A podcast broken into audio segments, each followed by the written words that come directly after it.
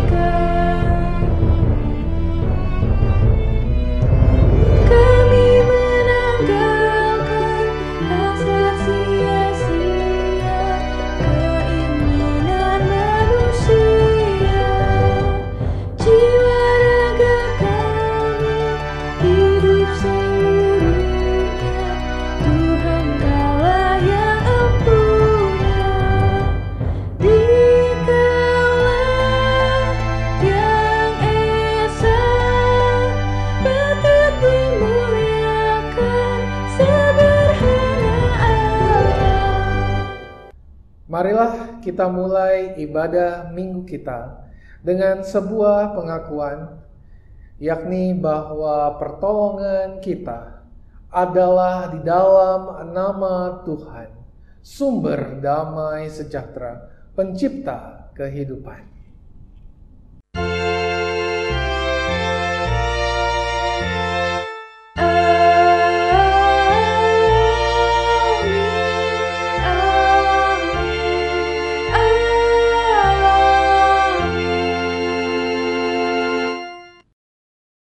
Kasih karunia dan damai sejahtera dari Allah Bapa, Anak, dan Roh Kudus menyertai saudara sekalian.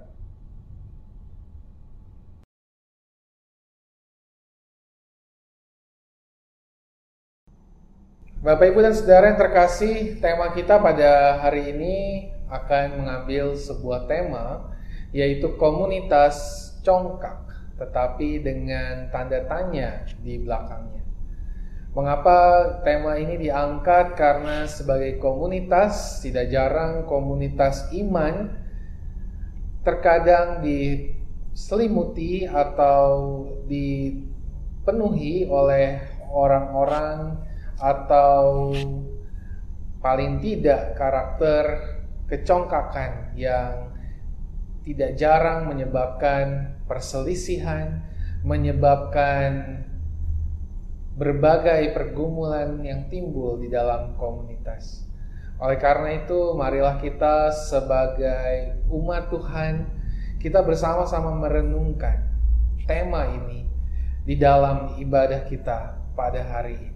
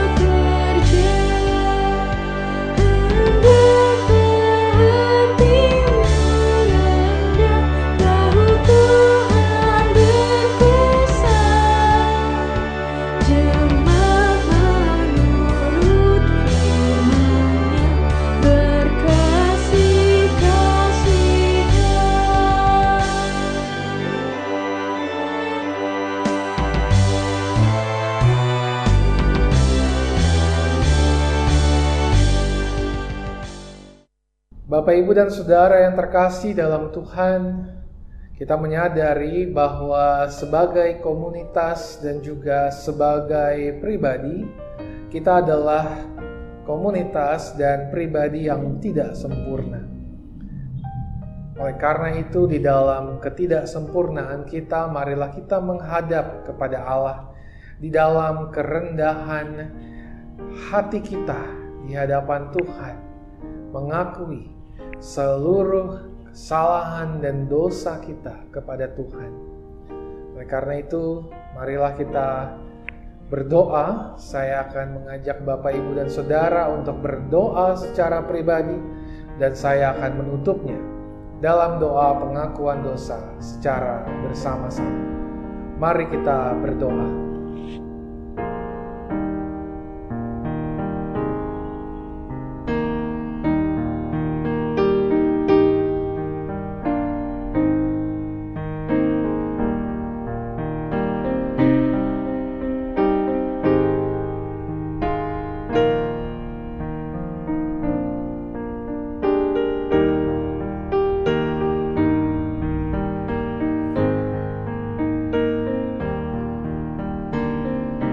Inilah kami ya Tuhan, manusia yang penuh dengan kelemahan dan kekurangan.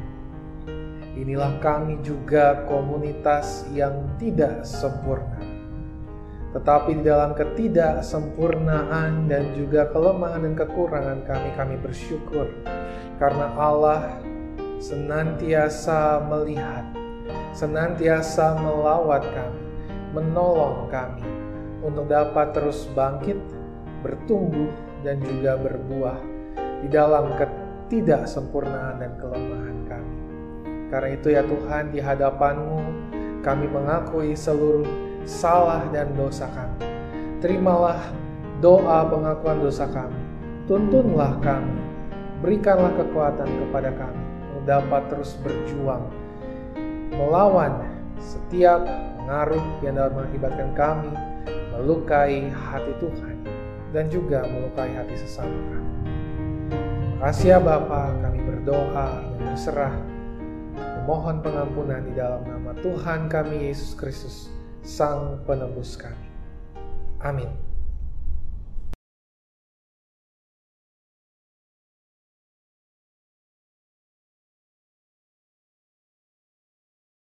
Kepada setiap kita yang sungguh-sungguh mengakui dosa kita di hadapan Tuhan, dengarkanlah berita anugerah yang diambil dari Matius 11 ayatnya yang ke-28 sampai yang ke-29.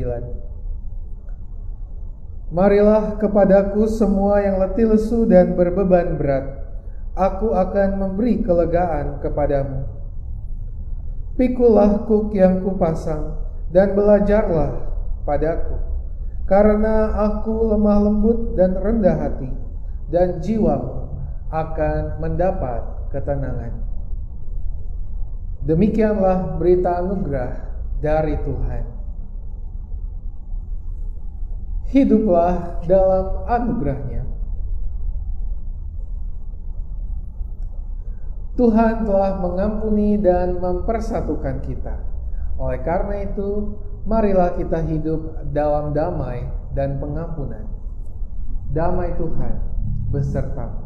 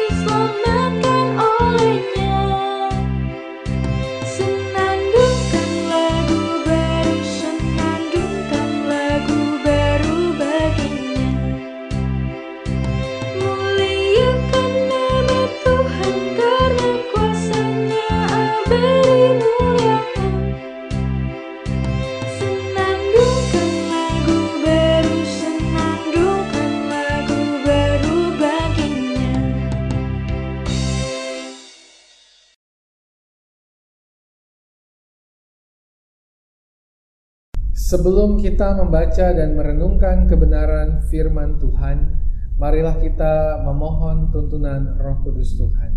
Mari kita berdoa. Ya Allah, kami sungguh menyadari kami membutuhkan tuntunan Tuhan dalam hidup kami. Tetapi kami juga sekaligus menyadari bahwa kami adalah manusia yang lemah, yang membutuhkan kuasa Roh Kudus Tuhan agar dapat senantiasa mengingatkan kami dan menuntun segenap kehidupan kami. Karena itu biarlah Roh Kudus Tuhan memimpin setiap kami akan membaca dan merenungkan firman Tuhan agar kami mengerti dan memahami kehendak Allah dan juga dimampukan untuk melakukannya dalam hidup kami hari lepas hari. Kami berdoa dan menyerahkan seluruh pembacaan firman Tuhan demikian juga dengan perenungannya dalam nama Tuhan kami Yesus Kristus, Sang Firman yang hidup. Amin.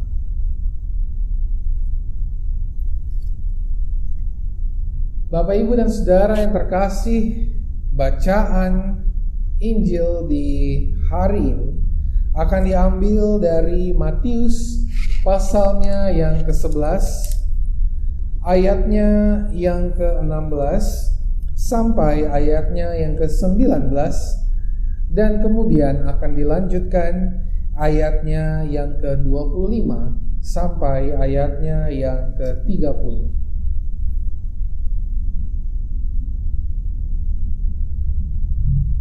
Dengan apakah akan kuumpamakan angkatan ini? Mereka itu seumpama anak-anak yang duduk di pasar dan berseru kepada teman-temannya. Kami meniup seruling bagimu, tetapi kami tidak menari. Kami menyanyikan kidung duka, tetapi kamu tidak berkabung.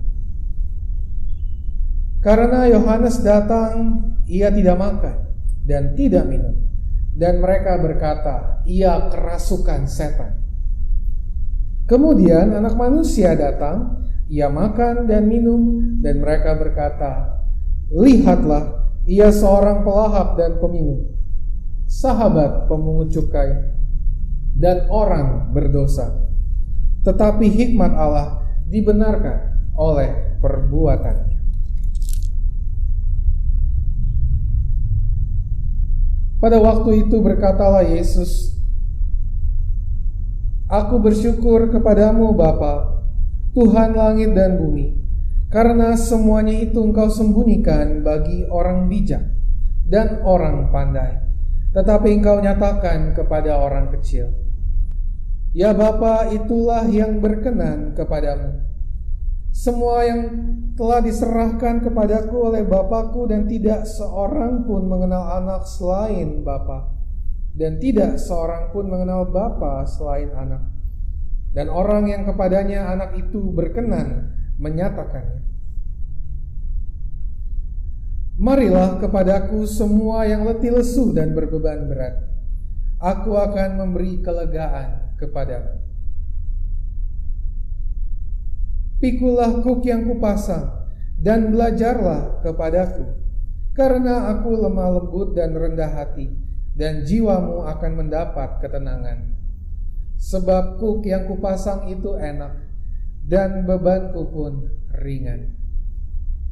Demikianlah Injil Tuhan kita Yesus Kristus.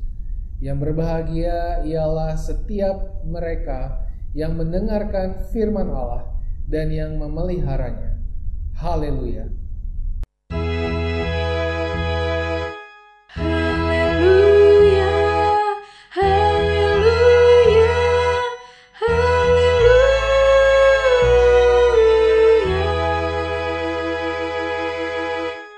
Bapak, Ibu, dan Saudara yang terkasih dalam Tuhan, di minggu ini kita akan membahas dan merenungkan sebuah tema yang berjudul komunitas congkak. Kata komunitas congkak diberikan uh, tema ini diberikan di dalam uh, wujud pertanyaan. Mengapa pertanyaan? Karena pertanyaan ini sebetulnya ingin membuat kita merefleksikan dan bertanya ke dalam diri kita terkait komunitas congkak. Setidaknya ada tiga pertanyaan dari komunitas congkak yang akan kita renungkan pada hari ini. Yang pertama adalah apakah arti komunitas congkak? Yang kedua, apakah komunitas kita adalah komunitas congkak? Dan yang ketiga, bagaimana agar komunitas kita tidak menjadi komunitas yang congkak? Tiga pertanyaan ini akan coba kita refleksikan secara pribadi menjadi pertanyaan reflektif bagi kita secara pribadi dan juga secara komunitas.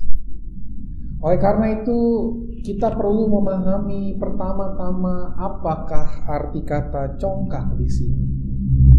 Kamus Besar Bahasa Indonesia mendefinisikan congkak sebagai merasa diri atau memperlihatkan diri yang sombong atau merasa diri atau memperlihatkan diri yang angkuh. Kata congkak, sombong, angkuh semuanya memiliki arti yang dan konotasi yang negatif. Dan dapat pula terwujud sebetulnya dari cara kita berperilaku dalam hidup kita sehari-hari.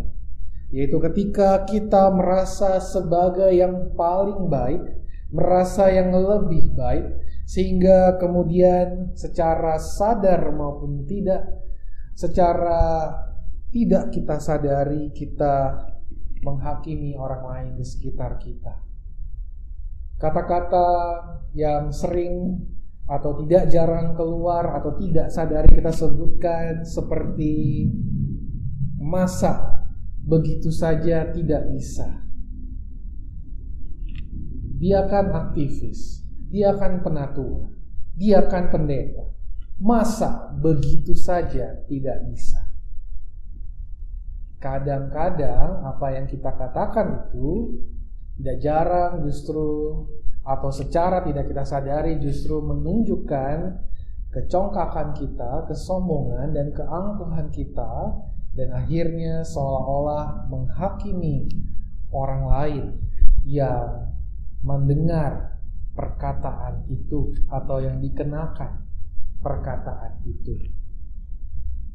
Tentu masih banyak contoh yang lain, akan tetapi melalui hal ini kita mau diingatkan agar kita bisa belajar terus menjadi komunitas yang tidak congkak di dalam kehidupan kita. Oleh karena itu setidaknya ada dua hal yang dapat kita renungkan dan kita upayakan khususnya juga di dalam terang Matius 11 yang tadi kita baca.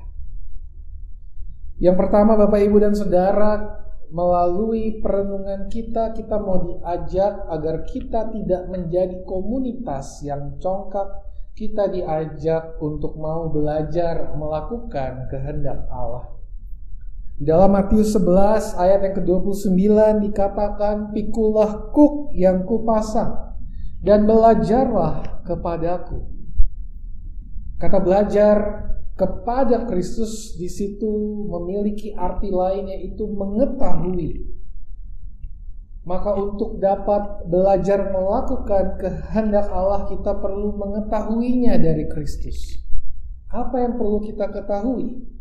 Di sinilah kemudian kita akan melanjutkan uh, perkataan Yesus itu dengan melihat karena aku lemah lembut dan rendah hati.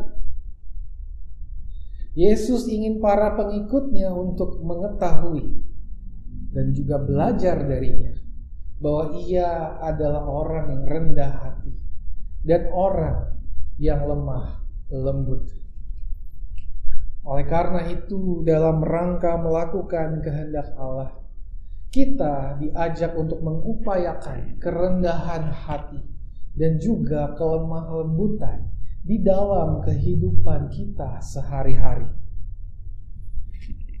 Dua hal yang Kristus kehendaki untuk kita upayakan memiliki hati yang lembut dan juga memiliki kerendahan hati.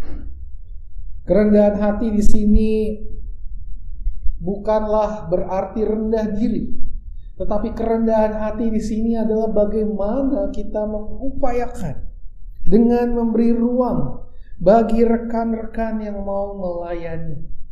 Kita mau menjadi rekannya untuk berproses dan juga bertumbuh di dalam kehidupan kita. Demikian pula dengan kelemah lembutan. Kelemah lembutan bukan hanya dimiliki oleh para kaum perempuan atau kaum ibu saja. Laki-laki juga memiliki kelemah lembutan. Kelemah lembutan di sini adalah kesediaan untuk menyambut setiap pribadi, merangkul mereka dengan kasih dan juga kesediaan untuk mau bertumbuh bersama. Bapak, ibu, dan saudara, ketika kita memiliki dua kualitas ini, rendah hati yang mau memberi ruang, dan juga lemah lembut yang mau menyambut mereka, setiap pribadi, dengan kasih dan kesediaan untuk bertumbuh bersama, maka kita akan belajar untuk menjadi orang-orang yang mau melakukan kehendak Allah dalam hidup kita. Oleh karena itu dalam Kidung Jemaat 460 kalau Bapak Ibu dan Saudara uh, menyanyikannya, maka di sana kita akan menemukan bagaimana kita diingatkan untuk memfokuskan diri kita pada kehendak Bapa, bukan pada kehendak kita. Jika kita menyanyikannya di sana dikatakan jika jiwaku berdoa kepadamu Tuhanku ajar aku terima saja pemberian tanganmu Ajar aku terima saja pemberian tanganmu. Hanya dapat kita lakukan ketika kita mau memberikan ruang kepada Allah untuk mau berkarya bersama dengan kita. Hanya akan kita dapatkan ketika kita mau rendah hati dan ke kemudian ketika dilanjutkan dengan dan mengaku seperti Yesus di depan sengsaranya jangan kehendakku Bapa kehendakmu jadilah jangan kehendakku Bapa kehendakmu jadilah. Hanya dapat kita lakukan ketika kita mau menerima, merangkul apa yang menjadi kehendak Allah dengan kasih dan kesediaan untuk bertumbuh. Itulah poin yang pertama Bapak Ibu dan Saudara. Dan poin ini kemudian mengajak kita untuk masuk kepada poin yang kedua, yaitu bagaimana kita mengupayakan budaya apresiatif, bukan budaya kecongkakan di tengah-tengah komunitas kita. Di dalam kata apresiasi ada unsur menghargai yang menjadi kata kuncinya. Menghargai di sini bisa berarti luas. Menghargai upaya yang dilakukan oleh orang lain menghargai waktu dan tenaga yang diberikan oleh orang lain, menghargai karya-karya yang sudah dikerjakan oleh orang lain, termasuk menghargai pribadi orang tersebut, kelebihan dan juga kelemahannya. Menghargai tidak lahir dari kepura-puraan, tetapi dari sebuah kondisi yang nyata bahwa kita benar-benar mau belajar untuk melihat kenyataan bahwa ada hal-hal yang bisa kita hargai dari sesama kita. Menghargai itu adalah sesuatu yang mau di mana kita mau bertumbuh bersama dalam komunitas. Oleh karena itu apresiasi juga tidak berarti lepas dari yang namanya kritik. Kritik dan masukan dapat tetap diberikan tetapi dengan cara yang membangun, bukan dengan cara atau komunikasi yang mematahkan semangat orang, yang membuat orang-orang kemudian terlukai. Bapak, Ibu, dan Saudara dalam Yohanes 11 ayat 18 sampai 19 kita melihat bagaimana umat menyambut Yohanes dan Yesus. Di ayat 18 dikatakan karena Yohanes datang ia tidak makan dan tidak minum dan mereka berkata ia kerasukan setan. Di ayat 19 dikatakan ketika anak manusia datang ia makan dan minum dan mereka berkata lihatlah ia seorang pelahap dan peminum sahabat pemungut cukai dan orang berdosa. Ayat 18 dan 19 mengisahkan bagaimana umat tidak memiliki apresiasi, tidak memiliki uh, penghargaan kepada utusan Allah yang diberikan ke tengah-tengah umat. Baik Yohanes yang menjadi perantara maupun Yesus sendiri sang anak manusia. Yohanes tidak makan dan tidak minum dikatakan kerasukan setan. Yesus makan dan minum dikatakan sebagai pelahap dan peminum, sahabat orang-orang berdosa dan pemungut cukai. Bagaimana dua tindakan ini tidak ada dua-duanya yang dihargai. Ego pribadi dan ego komunal membuat umat kemudian mengabaikan dan mengacuhkan karya Allah melalui Yohanes dan juga Yesus. Itulah mengapa dalam Matius 11 ayat 28 dikatakan, Marilah kepadaku semua yang letih lesu dan berbeban berat, aku akan memberikan kelegaan kepadamu. Ayat 28 ini Tuhan memanggil setiap kita yang letih dan lesu Baik kita yang bergumul di tengah keluarga, di tengah pekerjaan, pelayanan, di tengah kelebihan, kekurangan, di tengah berbagai hal yang telah kita lakukan dan upayakan. Tuhan memanggil dan juga merangkul setiap kita yang memiliki pergumulan dan beban di dalam hidup kita.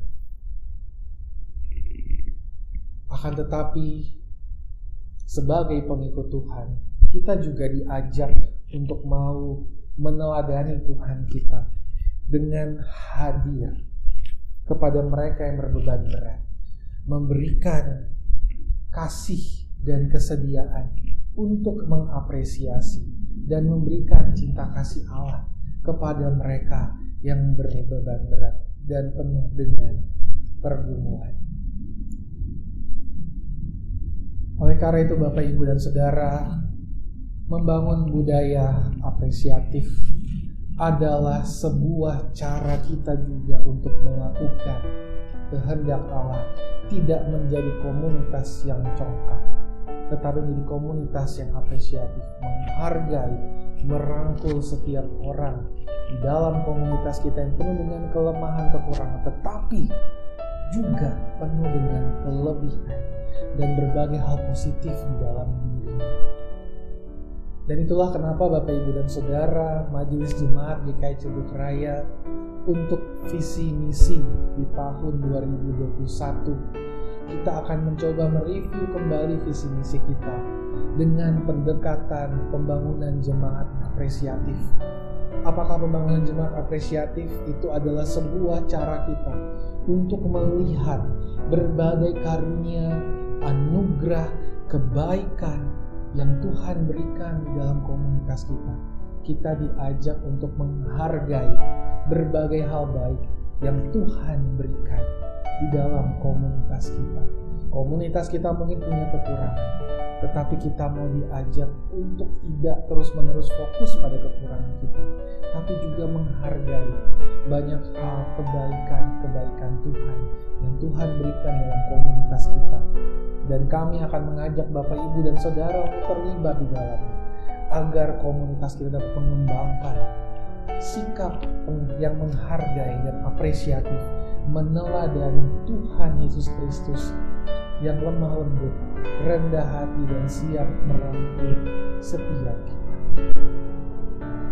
Karena itu Bapak Ibu dan Saudara, mari kita terlibat di dalam pembangunan jemaat mari kita membangun jemaat yang atau komunitas yang tidak congkak dengan belajar melakukan kehendak Allah ia yang lemah lembut dan rendah hati dan juga sekaligus membangun budaya apresiasi apresiatif di dalam kehidupan komunitas kita maka selamat bertumbuh menjadi komunitas yang tidak congkak dan, dan juga apresiatif di dalam kehidupan kita.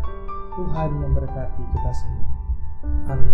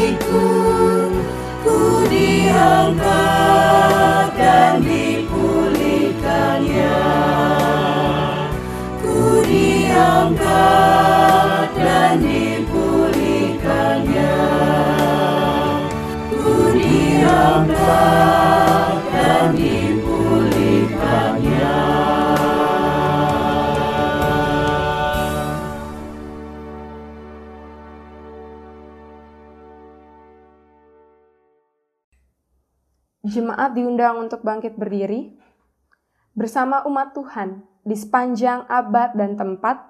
Marilah kita bersama-sama mengucapkan pengakuan iman rasuli. Aku percaya kepada Allah, Bapa yang Maha Kuasa, Kalik langit dan bumi, dan kepada Yesus Kristus, Anaknya yang tunggal Tuhan kita, yang dikandung daripada Roh Kudus, lahir dari darah anak Maria, yang menderita sengsara di bawah pemerintahan Pontius Pilatus, disalibkan, mati dan dikuburkan, turun ke, dalam kerajaan maut. Pada hari yang ketiga, bangkit pula dari antara orang mati, naik ke sorga, duduk di sebelah kanan Allah, Bapa yang Maha Kuasa. Dan dari sana ia akan datang untuk menghakimi orang hidup yang mati. Aku percaya kepada roh kudus, gereja yang kudus dan am, persekutuan orang kudus, pengampunan dosa, kebangkitan orang mati, dan hidup yang kekal. Amin. Silahkan duduk. Mari kita bersatu di dalam doa. Ya Allah yang maha baik, Puji dan syukur Bapa kami panjatkan kehadirat Tuhan untuk segala berkat dan kasih karunia Tuhan bagi setiap kami. Jemaatmu GKI Ciledug Raya. Tuhan, pada hari ini kami mau mengucap syukur untuk segala berkat Tuhan bagi gereja kami GKI Ciledug Raya. Tuhan kiranya Tuhan berkati kami, majelis jemaat, dan juga badan pelayanan lainnya, komisi lainnya Tuhan, untuk dapat terus menjadi berkat bagi lingkungan yang ada di sekitar kami ya Tuhan. Kami juga mengucap syukur Bapa untuk gedung gereja yang kami miliki saat ini, yang kami boleh pakai untuk beribadah dan kegiatan lainnya. Tuhan, kami pada saat ini juga mau mengangkat doa kami ya Tuhan, pergumulan kami untuk izin rumah ibadah maupun pembangunan gereja Tuhan. Tuhan yang tahu permasalahan yang kami hadapi. Kiranya Tuhan yang mau satukan kami, majelis jemaat, dan tim PPRI Tuhan untuk terus berusaha sekuat tenaga kami Tuhan agar kami bisa mendapatkan yang terbaik itu semua karena berkat dan kasih karunia Tuhan bagi kami. Kami percaya Tuhan bahwa Tuhan akan mengabulkan semuanya itu tepat pada waktunya. Karena Tuhan yang berkati gereja kami Tuhan dan pelayanan kami di tempat ini. Inilah doa kami ya Tuhan yang kami panjatkan di dalam nama Tuhan Yesus Kristus. Haleluya. Ya Allah, melanjutkan doa kami. Kami mau berdoa bagi setiap komunitas iman di mana pun berada, termasuk kami, komunitas iman di GKI Celeduk Raya, agar kami dapat menjadi komunitas yang tidak congkak. Kami mau belajar menjadi komunitas yang senantiasa mengikuti kehendak Allah dalam hidup kami termasuk mau belajar memberikan apresiasi kepada setiap hal baik yang ada di dalam komunitas kami, meneruskan kebaikan dan cinta kasih Allah kepada orang-orang yang ada di sekitar kami yang membutuhkan cinta kasih Tuhan. Tolonglah kami untuk melakukan dan menjalankannya juga di dalam setiap program kami sebagai komunitas untuk dapat terus dimampukan menjadi berkat bagi lingkungan kami, mulai dari jemaat kami dan juga lingkungan di sekitar kami. Berikanlah hikmat bagi setiap majelis jemaat yang berjuang bersama dengan para aktivis di badan-badan pelayanan maupun juga di berbagai tim dan juga di berbagai komisi. Tuhan berikan hikmat di dalam menjalankan pelayanan kami sebagai komunitas agar komunitas kami dapat menjalankan pelayanan yang sungguh menenangkan orang-orang sekitar kami, menjadi sarana cinta kasih Allah bagi orang-orang di sekitar kami, termasuk lingkungan kami. Tuhan tolonglah kepada setiap kami yang sedang bergumul dengan berbagai alasan, kami yang sakit, kami yang bergumul dengan keluarga kami, dengan pekerjaan, studi, dan juga pergumulan keluarga dan berbagai pergumulan lainnya, termasuk pergumulan ekonomi di tengah kondisi wabah COVID-19 saat ini. Tuhan berikanlah kami ketenangan, kekuatan untuk bisa menjalani hidup kami berserah hanya kepada Tuhan. Demikian juga dengan pergumulan kami semua, bangsa dan negara dalam mengatasi wabah COVID-19, berikanlah hikmat bagi pemerintah di dalam menjalankan perannya dengan baik. Juga masyarakat dapat juga bersama-sama menjaga protokol kesehatan sambil terus berjuang menguatkan satu dengan yang lainnya tengah situasi yang tidak mudah ini. Kami berdoa bagi setiap gereja Tuhan di mana berada, Tuhan berkatilah agar kami dapat menjadi saksi Kristus di tengah kondisi saat ini. Khususnya dalam pergumulan kami juga untuk mengumpulkan terkait uh, pembukaan kembali rumah-rumah ibadah di masa new normal ini. Tuhan berikanlah hikmat bagi kami untuk menentukan yang terbaik seturut dengan kehendak Allah. Terima kasih ya Tuhan. Masih banyak hal yang kami mohonkan daripadamu. Kira Tuhan menerima seluruh doa kami dan menjawabnya seturut dan kehendak Tuhan. Karena kami berdoa dalam nama Tuhan kami Yesus Kristus yang telah mengajar kami berdoa.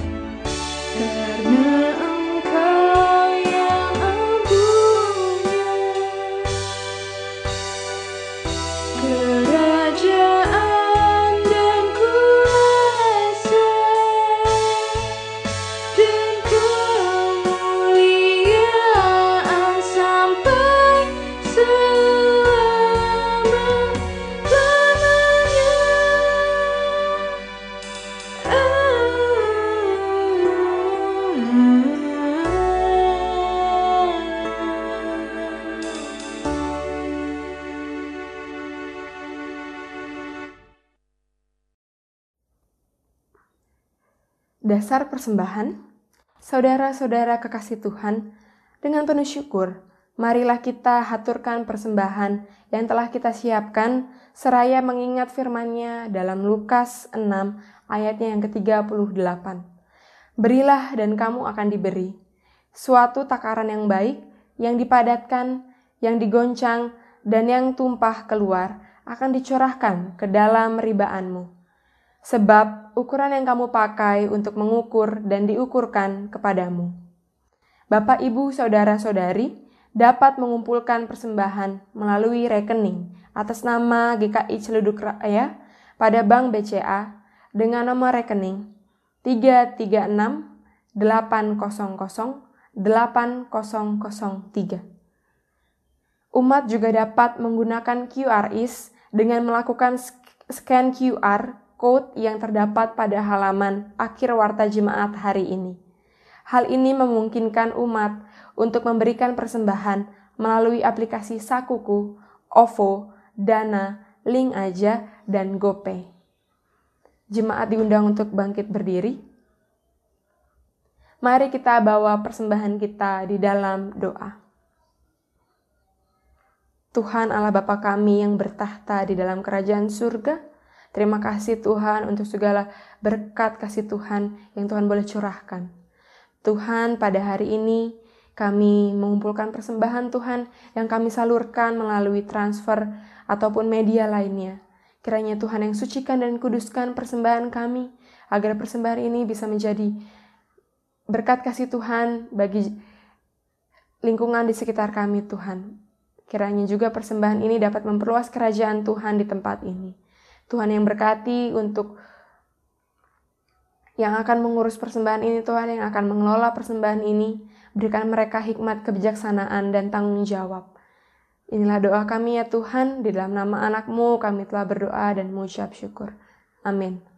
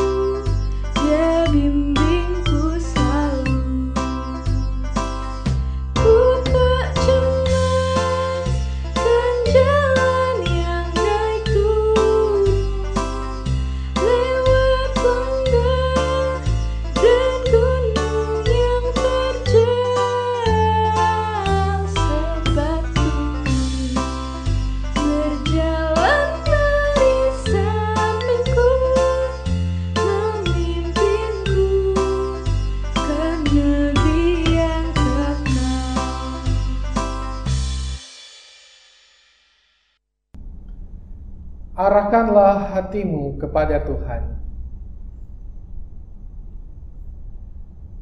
Jadilah saksi Kristus. Terpujilah Tuhan. Maka sekarang terimalah berkat dari Tuhan. Tuhan memberkati saudara dan melindungi saudara. Tuhan menyinari saudara dengan wajahnya dan memberi saudara kasih karunia. Tuhan menghadapkan wajahnya kepada saudara dan memberi saudara damai sejahtera. Amin.